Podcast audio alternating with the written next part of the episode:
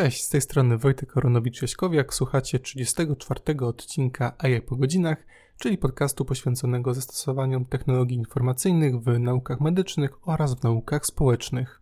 Dzisiaj chciałbym Wam opowiedzieć o moim zdaniem jednym z najciekawszych efektów, które obserwujemy w psychologii, czyli o efekcie placebo. Z samym terminem spotkałem się już na pierwszym roku psychologii, później na roku trzecim czy na roku czwartym Miałem ku temu poświęcony cały semestr studiów. Oczywiście nie było to tak, że że cały, cały semestr był zdominowany tylko przez ten przedmiot, ale co tydzień e, miałem przedmiot, który nazywał się e, psychologia placebo. To był taki przedmiot, który składał się z wykładu oraz składał się z ćwiczeń.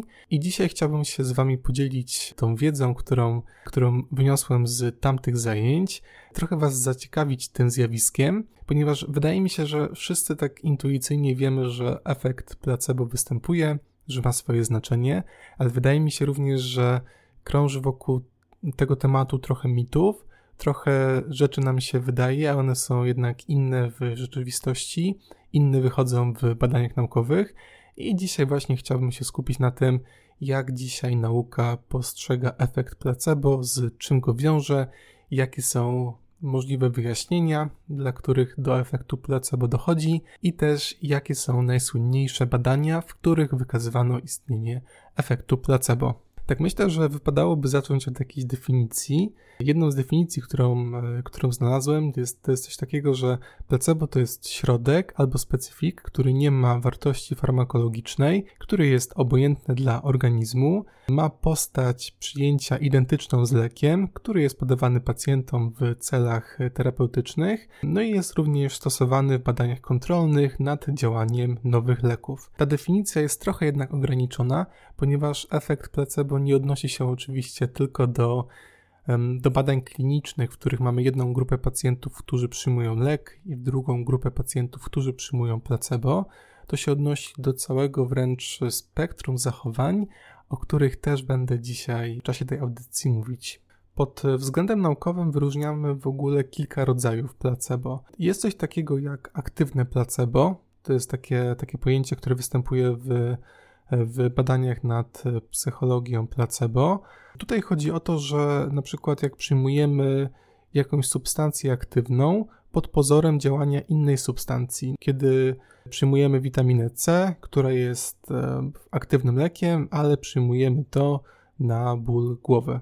Mamy również takie pojęcie jak nieczyste placebo, czyli zawierające taką ilość substancji czynnej, no, która e, występuje w zbyt małej ilości do tego, żeby była ona w stanie wywołać jakikolwiek efekt terapeutyczny. No tutaj na przykład dobrym odniesieniem jest homeopatia, czyli to mm, chociażby używanie pamięci wody do tego, żeby nauczyć wodę czy, czy przejąć jakieś magiczne właściwości od danych substancji i rozcieńczyć załóżmy 2000 razy albo 3000 razy jakąś wodę w tym w jakiejś cząstce substancji, która ma pomóc. To, co jest ważne, to placebo to nie tylko lek, tak? To mogą być również zabiegi lub procedury, no tutaj na przykład bardzo ciekawe jest to, że niektóre zabiegi chirurgiczne działają bardziej przez swój efekt placebo, a nie przez rzeczywiste interwencje, które zostały dokonane przy ciele pacjenta. Tutaj jako przykład wymienia się Tutaj na przykład przy leczeniu choroby Parkinsona otwiera się czaszkę, a później się zamyka bez żadnych ingerencji. Można to tłumaczyć tym, że nie wiem, że coś się w międzyczasie tam po otworzeniu tej czaszki przewietrzyło i dzięki temu pacjentowi jest lepiej ale samo, samo, samo otworzenie czaszki, później jej zamknięcie wywołuje efekt terapeutyczny, pacjentom jest po tym lepiej. Możemy to również po prostu tłumaczyć jako efekt placebo. Wszelkiego rodzaju kawy bezkofeinowe, papierosy beznikotynowe, tak? Substancje, które są podawane pod pozorem alkoholu, albo pod pozorem narkotyku, kiedy ludzie są przekonani, że e, no na przykład picie alkoholu ma zwiększać pobudzenie seksualne, no a w badaniach eksperymentalnych są trochę oszukiwani przez badaczy, którzy mówią im o tym, że podają im teraz alkohol, tak naprawdę piją coś, co w smaku przypomina alkohol, ale tym alkoholem oczywiście nie jest i się okazuje, że, że nagle taki udawany alkohol i alkohol prawdziwy wywołuje praktycznie takie same zmiany w zachowaniu. A jedyną różnicą, która występuje pomiędzy, pomiędzy poszczególnymi osobami, to jest tak naprawdę przekonanie. Czyli jeżeli ktoś ma przekonanie takie, że, że alkohol działa w ten sposób, że e, wpływa on na to, że jest się mniej lub bardziej pobudzonym seksualnie, no to wtedy przez coś, co moglibyśmy nazwać popularnie siłą sugestii, czy jakimś innym pojęciem zbliżonym, pośredniczy między tym, że ta osoba zaczyna po prostu się zachowywać tak, jak sama by tego oczekiwała od siebie. Wszelkiego rodzaju procedury psychoterapeutyczne, które nie mają udowodnionego naukowo działania, które nie mają standaryzacji, jak na przykład w podejściu poznawczo-behawioralnym. Również sugeruje się, że te procedury są oparte po prostu na efekcie placebo, tak jak na przykład jeszcze tam kilkadziesiąt, kilkaset lat temu, albo obecnie w jakichś trochę bardziej zapomnianych rejonach świata działają szamani, do których idzie się po to, żeby na przykład uzyskać uzdrowienie, żeby zostać wyleczonym, żeby już się czegoś nie bać. No i przychodzi się do takiego szamana. Ten szaman wykonuje różnego rodzaju magiczne działania wokół nas, tańczy wokół, wokół jakiegoś kółka, zapala świece, mówi jakieś magiczne zdania. No i to przynosi swój efekt, oczywiście, no ponieważ w to się po prostu wierzy. To podobnie można by powiedzieć, że jest w przypadku tych oddziaływań psychoterapeutycznych, które nie mają swojej swojego naukowo potwierdzonego działania. Jest tak, że jeżeli pójdziemy do osoby, której ufamy, o której myślimy, że rozwiąże nasz problem, która ma w naszym przekonaniu autorytet, no to bez względu na to, czy ta osoba będzie, mm, będzie wykorzystywała te techniki, które mają uzasadnienie naukowe, czy też właśnie będzie, będzie tutaj wykorzystywała te techniki, te założenia, w które ona sama wierzy, ale które no, niekoniecznie są zweryfikowane przez środowisko naukowe, efekt może być tak naprawdę bardzo do siebie zbliżony. To, co jest jeszcze bardzo ciekawe, jeszcze w tym, e, w tym kontekście definicji placebo, o placebo mówimy też wtedy, kiedy nie ma żadnej procedury, czy też czynności, którą, e, którą wykonujemy w stosunku do pacjentów, czy też do uczestników badania. Osoba lekarza może być placebo. Są takie badania, w których udowadnia się, że fartuch lekarski działa poprzez efekt placebo, czyli jeżeli widzi się ktoś z, e, z lekarzem, który jest ubrany w fartuch, który e, wpisuje się w ten taki społeczny wizerunek lekarza. Fartuch nam się kojarzy profesjonalnie, tak, z takim, z osobą, która posiada wiedzę, która, która jest e, profesjonalistą. Jeżeli ta osoba w fartuchu przepisuje nam jakiś lek, no to okazuje się, że ten lek y, będzie działać silniej w porównaniu do tego, gdybyśmy ten sam lek otrzymali od osoby, która jest ubrana tak bardziej po cywilnemu. Było trochę o tym, czym to placebo jest i pod jaką postacią może występować. Oto teraz bym jeszcze może powiedział o tym, y, jak się ma w takim razie forma podania i wiedza, nastawienie, to wszystko, co się również wiąże z efektem placebo. Przede wszystkim tak, no, forma podania ta sama substancja, która jest podana w zastrzyku domięśniowym, jest bardziej skuteczna od podania podskórnego. Najmniej skuteczne są płyny, no chyba, że są gorzkie, to wtedy w badaniach wychodzi, że, że gorzkie płyny działają lepiej niż płyny słodkie. Innymi słowy, jeżeli mamy tą samą substancję aktywną, która jest w syropie słodkim, to ona będzie przynosiła gorszy efekt terapeutyczny działający na organizm niż ta sama substancja, tylko że podana w syropie, który jest gorzki. Kapsułki są dużo bardziej skuteczne od tabletek. Ciekawa też rzecz przy wielkości, przy wielkości tabletek. Oczywiste jest to, że dwie tabletki placebo są skuteczniejsze od jednej tabletki placebo. To już jest taki efekt, który, który został dosyć wcześnie odkryty. Ciekawe jest natomiast to, że na przykład 500 mg placebo w jednej tabletce jest mniej skuteczne niż dwie tabletki po 250 mg. Nawet jeżeli pacjentom się mówi, że mogą brać albo jedną po 500, albo dwie po 250, no to rzeczywiście jest tak, że, że te dwie po 250 są dużo bardziej, dużo bardziej skuteczne. I jeszcze jedna rzecz a propos koloru. Kolor tabletek i kapsułek oczywiście też ma swoje znaczenie. Też fascynujące badania, które pokazują związek między, między tym, jakiego koloru są e, kapsułki, tabletki, a jaki one później przynoszą efekt terapeutyczny. Tutaj się okazuje, że te kapsułki, które są niebieskie, działają bardziej uspokajająco, chociaż jednak e, ciekawostka taka, że we Włoszech tabletka placebo o kolorze niebieskim uspokaja kobiety i pobudza mężczyzn, to pewnie wynik jakichś, jakichś innych leków, które się pacjentom w tym rejonie świata kojarzą. Białe, duże i okrągłe tabletki z antybiotykiem są bardziej skuteczne niż takie tabletki kolorowe albo mniejsze. Oczywiście również samo miejsce, kontekst i otoczenie również ma swoje znaczenie przy efekcie placebo. Skuteczniej się leczy w klinice uniwersyteckiej niż w poradni powiatowej.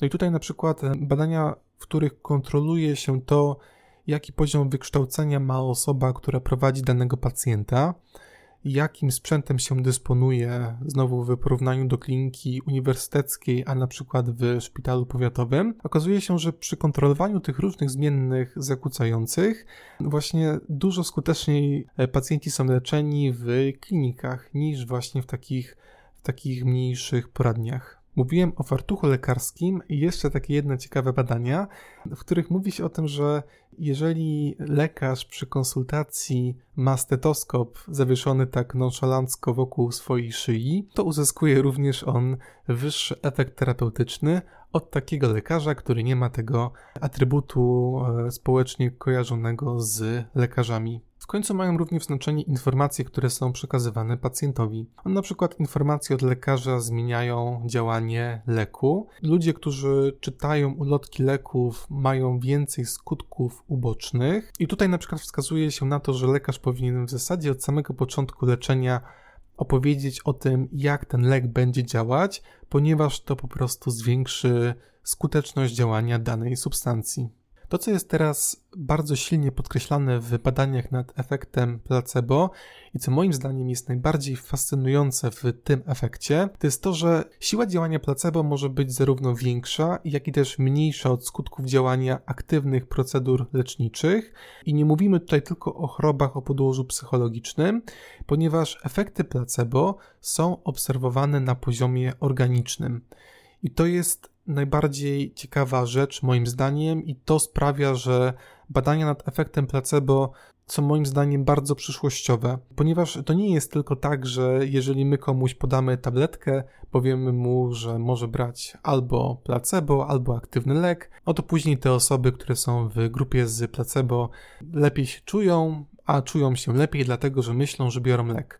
To nie działa tylko na poziom subiektywny, to działa na, na wszystkie obserwacje, które możemy obiektywnie zaobserwować na poziomie organicznym. No i tutaj spektrum tego, gdzie się obserwuje efekt placebo, jest niezwykle szerokie.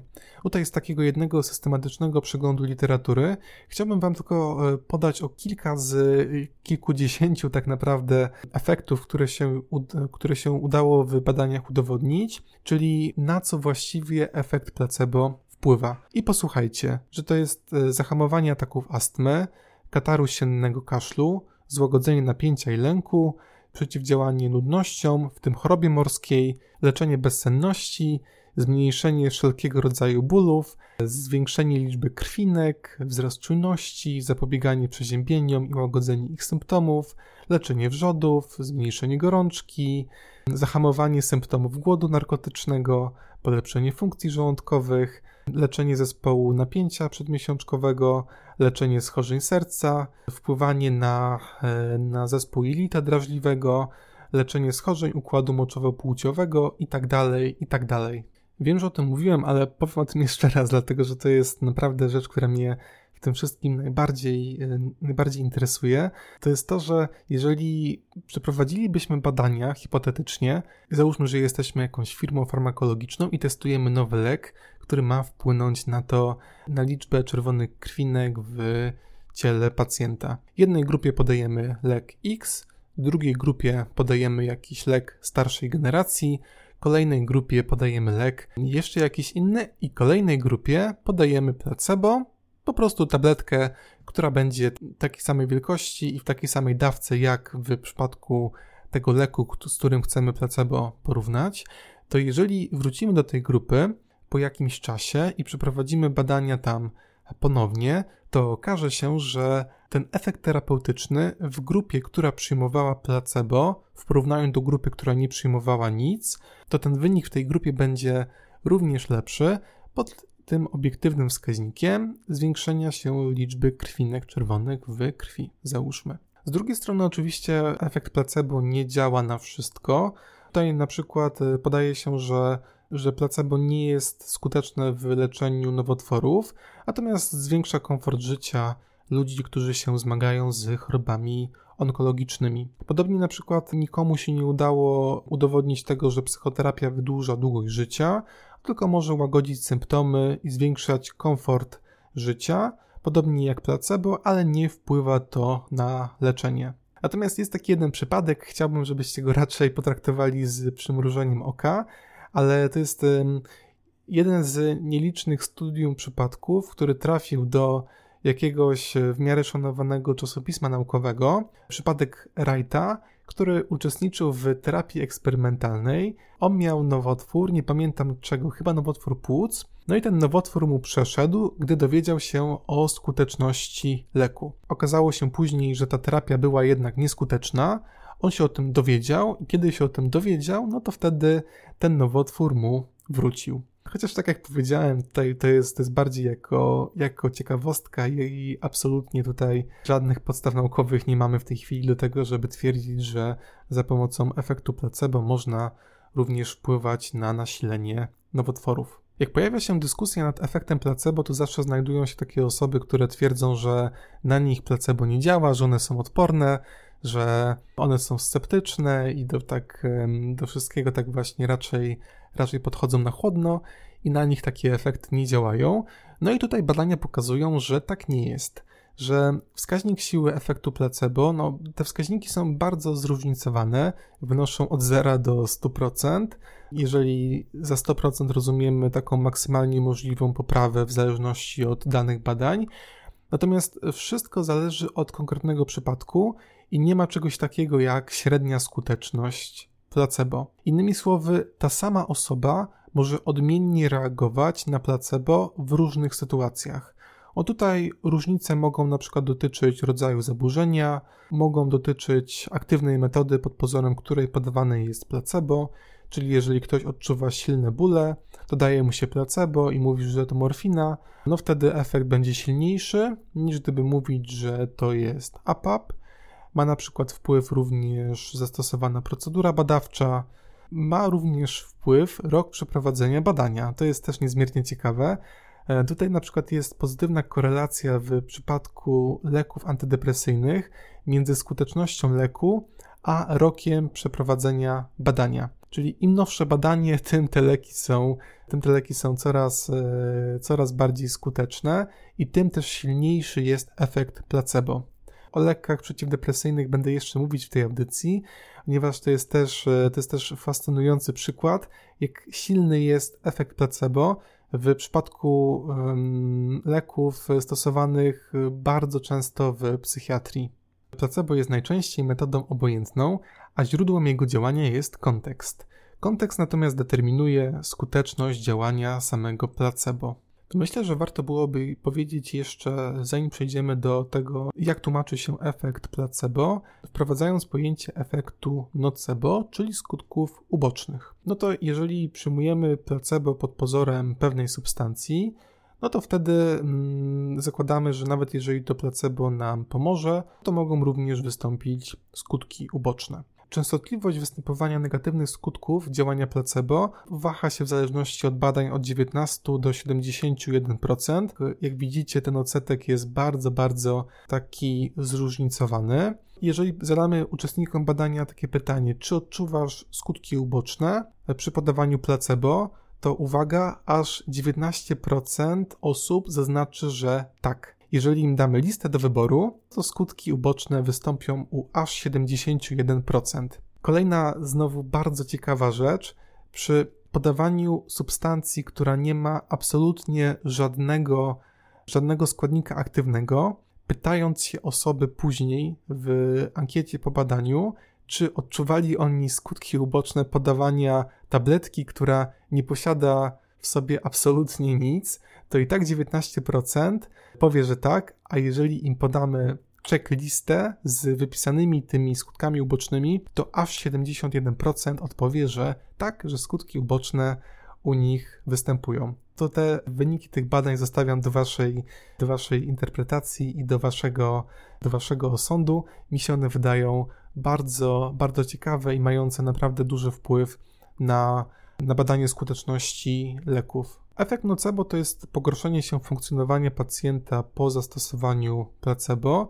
No, czy to jest coś takiego, co byśmy określili właśnie jako takim negatywnym efektem placebo albo odwrotnym efektem placebo? Tutaj w takich jednych z, z pierwszych badań nad efektem e, nocebo podawano pacjentom cierpiącym na bezsenność placebo w celu zażycia go przed pójściem do łóżka. Część badanych została poinformowana, że środek ten wywoła pobudzenie, a część z nich, że ten środek ma właściwości relaksacyjne. Badani z tej pierwszej grupy, czyli z tej grupy, która została poinformowana, że to placebo ma wywołać u nich pobudzenie.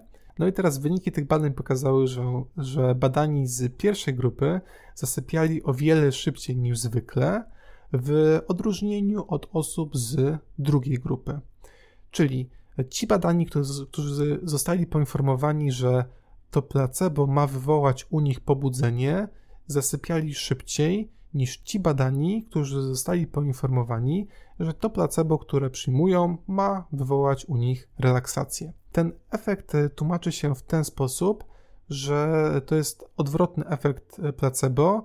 Jako powód wymienia się błędną atrybucję, czyli badani błędnie umiejscawiali źródło swojej bezsenności. Tutaj mówi się również o tak zwanym efekcie voodoo. Ten efekt ma dużo mniejsze poparcie w badaniach naukowych, to są jednak takie prace bardziej kazuistyczne, trochę bardziej zahaczające o takie ciekawostki popularno-naukowe niż o prawdziwe badania naukowe, ale są takie doniesienia, że na przykład ksiądz, który przyszedł z ostatnim namaszczeniem, pomylił łóżka i uśmiercił niewłaściwą osobę, no, albo na przykład to, że jeżeli chodzi o rzucanie klątw, jeżeli ktoś w taką klątwę wierzy, no to może rzeczywiście umrzeć z dużym prawdopodobieństwem. Ciekawy obszar badań to placebo i psychoterapia. Tutaj jest problem taki, czy psychoterapia to placebo, a jeżeli psychoterapia to placebo, to czy w ogóle powinniśmy ją stosować i rekomendować do leczenia. Podkreśla się to, że istnieje ponad 200 modeli psychoterapii oraz ponad 400 technik terapeutycznych. Ja bym powiedział, że tych modeli psychoterapii istnieje w tej chwili około 1000, a samych technik terapeutycznych wydaje mi się, że już w tej chwili nie sposób je zliczyć, ale to, co jest ważne w tym wszystkim, to to, że właściwie wszystkie rodzaje psychoterapii mają relatywnie do siebie podobną skuteczność. No i to jest trochę dziwne, prawda? No bo mamy tak dużo modeli, tak wiele różnych wykluczających się podejść, tak wiele różnych technik, a jednak okazuje się, że skuteczność e, różnych oddziaływań psychoterapeutycznych i skuteczność farmakologii psychiatrycznej, jeżeli chodzi na przykład o leczenie zaburzeń nastroju, depresji, zaburzeń lękowych, jest tak naprawdę do siebie zbliżona ten efekt naprawdę jest, naprawdę jest y, podobny w przypadku tych różnych procedur. Pojawia się pytanie w takim razie, o co tutaj chodzi? Czy rzeczywiście jest tak, że psychoterapia to placebo? Odpowiedź na to jest taka, że trochę w tym jest racji. Rzeczywiście jest tak, że tutaj bardzo dużą rolę odgrywa to, że wierzymy swojemu specjaliście, że wierzymy osobie, do której się udajemy. Natomiast taki przegląd literatury ostatni, który, e, który został opublikowany w tym zakresie, wskazuje na to, że tak, że no, psychoterapia jest skuteczna w porównaniu z placebo i z brakiem terapii, chociaż w przypadku badań z udziałem rzeczywistych pacjentów efekty psychoterapii no, nie są raczej większe niż efekt placebo. Znowu podkreśla się to, że kluczowy jest tutaj kontakt z drugim człowiekiem, bez względu na to, czy on ma doświadczenie w psychoterapii, czy też nie. Bardzo interesujące badania, w których um, sugerowano trochę, że leczniczy skutek przynosi sama relacja interpersonalna. Tutaj grupa kontrolna była poddawana albo samej diagnozie, albo minimalnej terapii. Były również dwie grupy eksperymentalne, Połowa z nich była wylosowana do terapii z takim terapeutą, który miał 20-letni staż, był tak, cieszył się e, dużym dużym e, autorytetem w swojej dziedzinie, połowa osób miała się udać na rozmowę z profesorem na uczelni, który nigdy się terapią nie zajmował. Jedna i druga osoba budziła jakiś tam respekt wśród osób badanych. Badani nie wiedzieli, do której grupy zostaną przydzieleni, czy będą rozmawiali z profesorem, czy też będą rozmawiali z, z tym terapeutą, który ma te 20-letnie doświadczenie w swojej pracy. I co się okazało, że, mm, że bez względu na to, do której grupy te osoby trafiły, no, efekt terapeutyczny był taki sam. W jednej i w drugiej grupie pacjentom się po prostu polepszyło. Pomimo tego, że, mm, że efekt placebo w psychoterapii odgrywa również swoją dosyć dużą rolę, to jednak wskazuje się na to, że poszczególne techniki terapeutyczne, te, które zostały zweryfikowane i w których sprawdzono ich skuteczność względem placebo, pozwalają na zwiększenie efektywności terapii. Innymi słowy, jeżeli mm, wyobraźmy sobie trzy osoby, każda z nich cierpi na zaburzenie nastroju, Jedna z tych osób nie będzie robiła nic, po prostu będzie dalej siedziała w domu, będzie zajmowała się tymi rzeczami, którymi się zajmowała wcześniej. Druga z tych osób uda się na psychoterapię psychodynamiczną, taką, która dużego poparcia naukowego nie ma, taka, w której trudno jest cokolwiek pod względem naukowym udowodnić, a w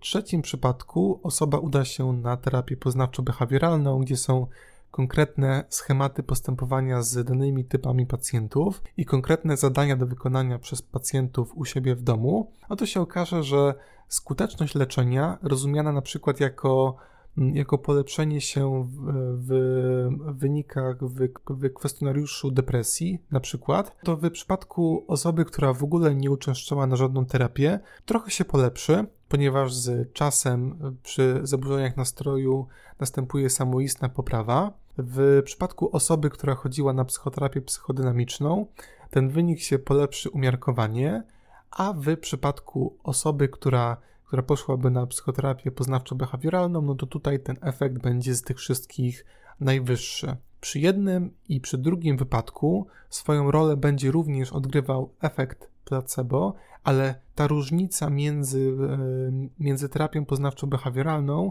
a terapią psychodynamiczną będzie wskazywała na przewagę aktywnych metod i technik psychoterapeutycznych nad samym efektem placebo.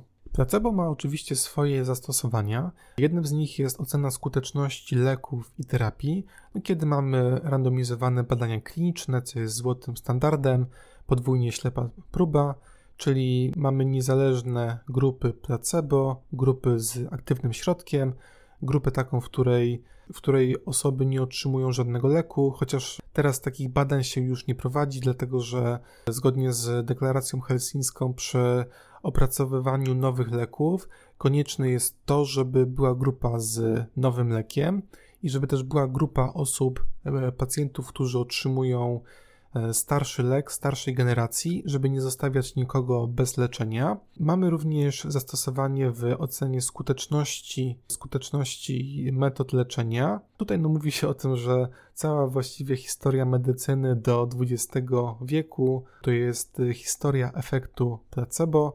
Tak właściwie do pierwszych lat XX wieku nie istniały prawie że żadne aktywne metody leczenia. Ciężko jest to oszacować, ale mówi się o tym, że mniej więcej do około 90% metod leczenia proponowanych pacjentom w tym czasie, no to były metody, które w mniejszym lub większym stopniu z efektu placebo korzystały. Dobrym przykładem jest medycyna niekonwencjonalna i badanie z akupunkturą. Niesamowicie ciekawe i pomysłowe badania, w których próbowano dowieść, czy akupunktura rzeczywiście działa, czy też właśnie nie działa. No i słuchajcie, że w tych badaniach zrobiono coś takiego nawet jak igły placebo. Chodziło o to, że w jednej grupie badawczej były osoby, które miały się położyć na stole, które załóżmy tam cierpiały na jakiś ból pleców.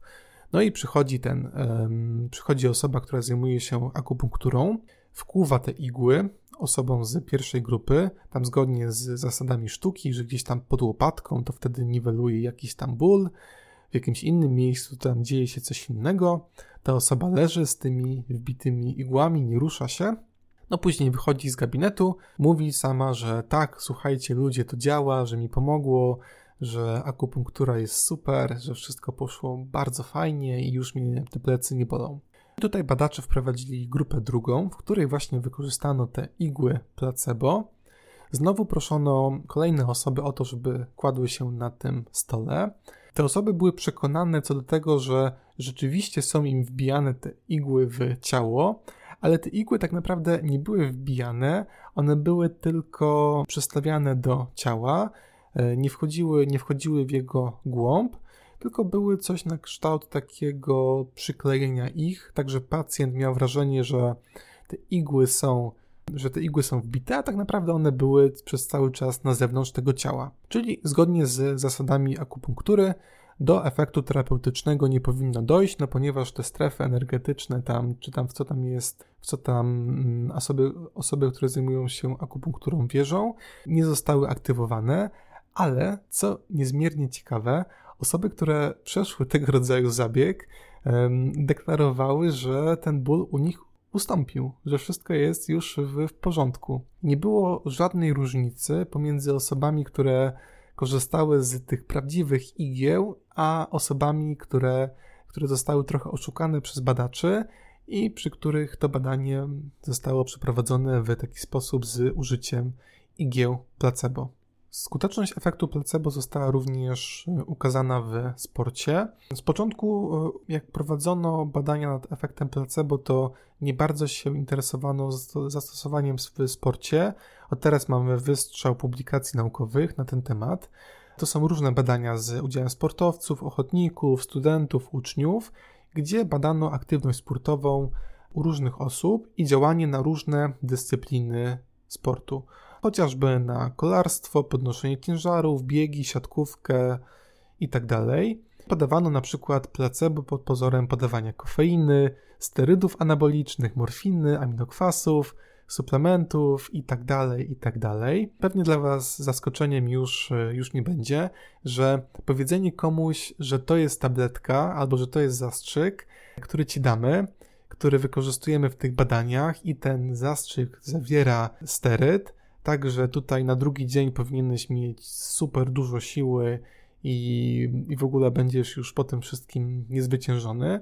W tym zastrzyku fizycznie znajdowała się na przykład po prostu sól fizjologiczna albo tam cokolwiek innego, co, co nie miałoby żadnego wpływu na wydolność fizjologiczną. No to tutaj okazywało się, że osoby potraktowane takim zapewnieniem ze strony, ze strony badaczy uzyskiwały znacząco wyższe na przykład czasy biegu, a czy znacząco niższe czasy biegu, ponieważ szybciej biegali, szybciej jeździli na rowerze, czy też podnosili cięższe ciężary. Zostało nam jeszcze trochę czasu, to bym opowiedział o dwóch rzeczach. O tym, jak teraz wyjaśnia się, jak e, efekt placebo działa i jeszcze o tych lekach e, antydepresyjnych, bo to jest też niezmiernie ciekawe. Jeżeli chodzi o mechanizmy działania placebo, to o ile mamy masę, mamy setki badań, w których pokazuje się, że efekt placebo działa, to niestety publikacji, w których tłumaczy się, dlaczego efekt placebo występuje, tak już dużo nie ma, ponieważ to jest niezmiernie trudny temat do zbadania. On się wiąże z kilkoma trudnościami. No po pierwsze dlatego, że placebo działa tak naprawdę na wszystko. Tak jak też wymieniałem na początku, na co, w których miejscach możemy zaobserwować fizjologiczne zmiany w ciele i na jak różne dziedziny życia efekt placebo wpływa. Ciężko jest tak naprawdę o zbudowanie jakiejś definicji ogólnej, która byłaby taką uniwersalną teorią tłumaczącą, dlaczego placebo nie działa. Jedną z takich teorii, taką najbardziej chyba intuicyjną, oto jest efekt oczekiwań, że jeżeli ja oczekuję, że coś się wydarzy, no to coś się w rzeczywistości wydarzy w moim życiu. To jest takie trochę pojęcie wzięte z psychologii społecznej, na przykład osoby, które oczekują tego, że w swoim życiu będą doświadczały porażek, no to rzeczywiście w ciągu swojego życia tych porażek więcej oczekują.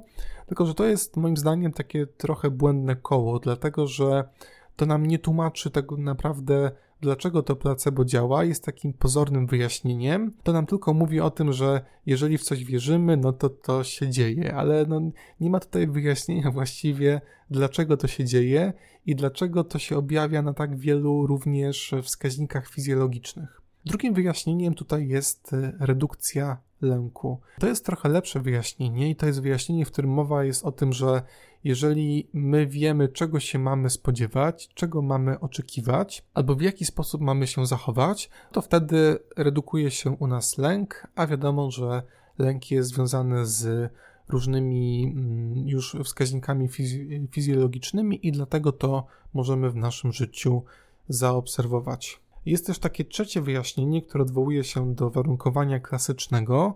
Tutaj chodzi o to, że to jak w tym takim słynnym e, eksperymencie Pawlowa, który jest omawiany na lekcjach biologii w szkołach średnich, kiedy mamy, mamy dzwonek, mamy jedzenie, kiedy dzwonimy przy jedzeniu, no to później pies się ślini tylko wtedy, kiedy słyszy dzwonek. To możecie sobie wyobrazić, że podobnie trochę tłumaczy się e, przez warunkowanie klasyczne efekt placebo, Chodzi tutaj o to, że jeżeli podajemy komuś, e, załóżmy, paracetamol przez całe życie i ta osoba nauczyła się tego, że ten paracetamol kojarzy się później z, z mniejszym bólem, ze, ze złagodzeniem bólu, który otrzymuje w życiu późniejszym, to później, jeżeli dostanie tabletkę, która wygląda mu tak samo jak ten paracetamol i powie mu się, że to jest paracetamol, no to przez taki mechanizm warunkowania klasycznego dojdzie do wywołania reakcji podobnej fizjologicznie. Ta teoria ma natomiast swoją słabość taką, że jeżeli mamy grupę osób, której powiemy, że słuchajcie, to jest, to jest morfina, my ją wam teraz podamy. Tutaj chcemy się dowiedzieć, jak to, jak to wpłynie na wasze funkcjonowanie, na przykład czy za chwilę w tych naszych badaniach nie będziecie odczuwać żadnego bólu, oto osoby, które nigdy w swoim życiu nie brały morfiny, również odczuwają dużo mniejszy ból przy tego typu badaniu eksperymentalnym. Czyli to też nie jest jakimś takim wyjaśnieniem, takim bardzo, bardzo wiarygodnym pod względem naukowym. Na koniec chciałbym powiedzieć trochę o efekcie placebo, który możemy zaobserwować w badaniach nad zaburzeniem depresyjnym, takim zaburzeniem nastroju, które występuje od dłuższego czasu, które objawia się m.in. utratą chęci do życia, z obniżonym nastrojem, z apatią, z też um, takimi zachowaniami, które wiążą się na przykład z utratą wcześniejszych zainteresowań, nad naprawdę poważną, poważnym zaburzeniem, które, które wymaga pomocy specjalistycznej. Tutaj wyjaśnieniem neurobiologicznym jest to, że ma dochodzić do nierównowagi w neuroprzekaźnictwie. Jeden z e, neurotransmiterów ma występować w mniejszej ilości, dlatego praca układu nerwowego ma zostać zaburzona, stąd te zaburzenia nastroju mają się brać. Natomiast, e, co jest ciekawe, ta hipoteza biologiczna jest coraz częściej podważana i wskazuje się na to, że właściwie jedynym dowodem naukowym, który świadczy na rzecz tego, że, że depresja wynika z zaburzeń w przekaźnictwie neuronów, no to są te badania, które mówią nam o tym, że leki przeciwdepresyjne są skuteczne, ponieważ są skuteczniejsze od neutralnego placebo. Ciekawa rzecz, bo tutaj już pod koniec lat 90. metaanaliza Kirscha, w której wskazano to, że, że efekt terapeutyczny przyjmowania antydepresantów w mniej więcej 90% jest zależny od efektu placebo. 90% to stosunkowo dużo. To badanie się przetoczyło naprawdę bardzo szeroką dyskusją w Stanach Zjednoczonych. Nie wiem dlaczego akurat w Europie nie, ale pewnie z jakichś względów. I to badanie dało później początek początek, e, początek innym badaniom, w których próbowano na to pytanie jakoś odpowiedzieć. Jakby skąd się wzięło to, że leki przeciwdepresyjne tak silnie się wiążą z efektem placebo. Relatywnie szybko udało się dojść do takiego rozwiązania, które mówiło o tym, że jak mamy badanie kliniczne i mówimy komuś, że słuchaj, to jest badanie, testujemy nowy lek, możesz otrzymać albo placebo, albo aktywny lek. Musisz pamiętać o tym, że jeżeli będziesz otrzymywać aktywny lek, no to wtedy wystąpią u ciebie skutki uboczne tego leku przeciwdepresyjnego, na przykład suchość ust. No a jeżeli trafisz do grupy z placebo, a nie z lekiem, no to wtedy żadnych efektów ubocznych u siebie nie będziesz obserwować. Czyli innymi słowy, wskazywano tutaj na to, że inna może być efektywność w stosowaniu w stosowaniu i porównywaniu placebo i leku aktywnego, jeżeli poinformujemy i zdradzimy trochę pacjentom coś z naszej procedury eksperymentalnej. I rzeczywiście okazywało się, że Osoby, które wiedziały, że jeżeli będą w grupie z aktywnym lekiem, to wtedy będą, będą u nich na przykład występowała suchość ust, no to nagle szybko okazało się, że osoby, które doświadczają skutków ubocznych, mają również wyższy efekt terapeutyczny. Czyli jeżeli u kogoś występowała suchość ust, no to również miał lepszy nastrój. To się tłumaczy tym, że jeżeli ktoś e, wiedział już, że musiał trafić do grupy z aktywnym lekiem, no to wierzył w to, że ten lek musi mu pomóc i że jego nastrój z biegiem czasu się polepszy. I tak się rzeczywiście dzieje. Jeżeli na przykład e, trochę się badanych oszuka i poda im się nie lek, tylko taką substancję, która wywołuje. Jednym z skutków ubocznych jest wywoływanie suchości ust, ale nie jest to lek przeciwdepresyjny, to ta substancja ma taką samą skuteczność jak prawdziwy lek przeciwdepresyjne. Później były kolejne badania, w których wykazywano, że efekt terapeutyczny przyjmowania leków przeciwdepresyjnych jest bardzo silnie związany z tym, czy odczuwa się skutki uboczne przyjmowanego leczenia, czy też nie, co jest po prostu związane z tym, czy wierzy się w to, że się trafiło do grupy z lekiem, czy jednak jest się przekonanym co do tego, że trafiło się do grupy z placebo. Kolejne metaanalizy, w których pokazywano, że, że leki przeciwdepresyjne są skuteczniejsze od placebo, ale tylko wtedy, kiedy nie kontrolujemy skutków ubocznych. Wtedy, kiedy je kontrolujemy, no to się okazuje, że przyjmowanie placebo, nie przyjmowanie niczego, czy też przyjmowanie leków e, przeciwdepresyjnych, no to naprawdę wywołuje podobny efekt terapeutyczny.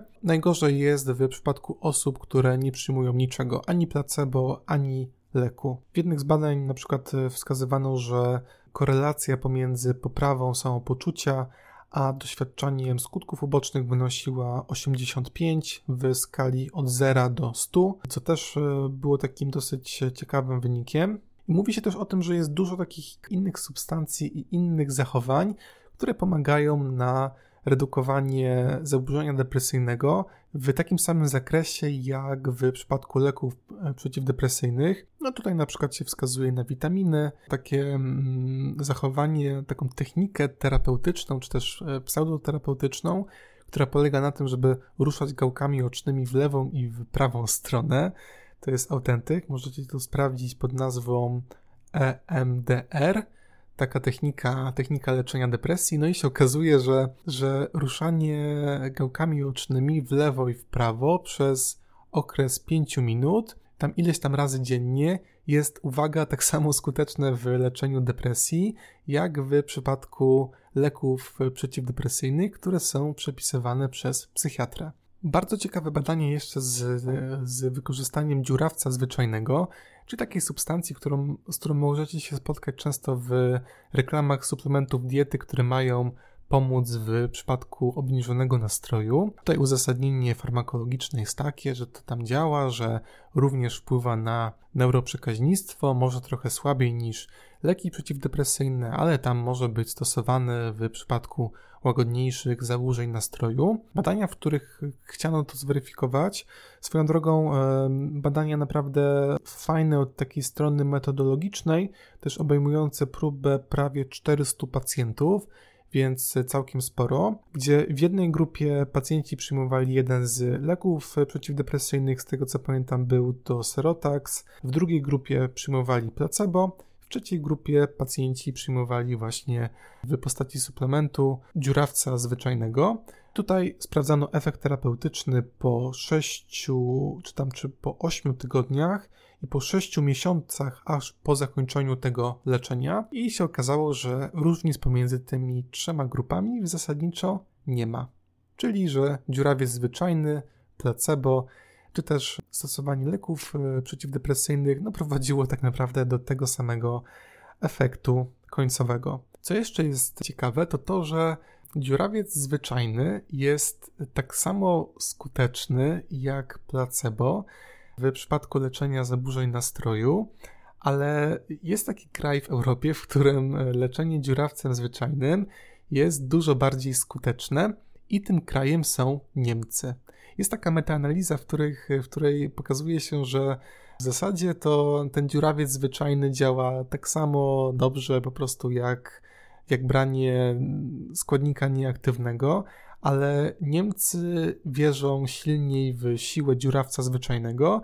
Tamten dziurawiec zwyczajny rzeczywiście silniej działa niż w przypadku krajów, w których nie mówi się w języku niemieckim. Zmierzając powoli do końca tej audycji, mamy dziesiątki, setki, chyba tysiące już badań, w których e, udowodniono wpływ efektu placebo na różne dziedziny życia, nie tylko w badaniach klinicznych, ale również w, w innych zachowaniach, które nie wiążą się już z testowaniem nowych leków. Ale nie mamy niestety żadnej definicji naukowej, która moim zdaniem by wiarygodnie tłumaczyła, jak możemy efekt placebo wytłumaczyć. Nie ma niestety żadnej uniwersalnej definicji, która nie spotkałaby się ze swoją krytyką, która pozwoliłaby nam na wyjaśnienie efektu placebo, a wydaje mi się, że prowadzenie badań w tym kierunku byłoby naprawdę bardzo obiecujące, bo z uwagi na to, jak wiele w swoim życiu zawdzięczamy efektowi placebo, jak powoli go odkrywamy, no to tutaj wydaje mi się, że wpływ na nasze życie i wpływ na przebieg leczenia mógłby być jeszcze bardziej wzmocniony. Dziękuję Wam bardzo za wysłuchanie tego odcinka. Mam nadzieję, że również ten temat rozbudził Waszą ciekawość. Jak zwykle zapraszam do zadawania pytań, do wysyłania e-maili na aipogodzinach małpa.gmail.com oraz do śledzenia profilu strony na Facebooku oraz na Instagramie. Dziękuję Wam jeszcze raz i do usłyszenia już w przyszłym tygodniu. Cześć! Thank you.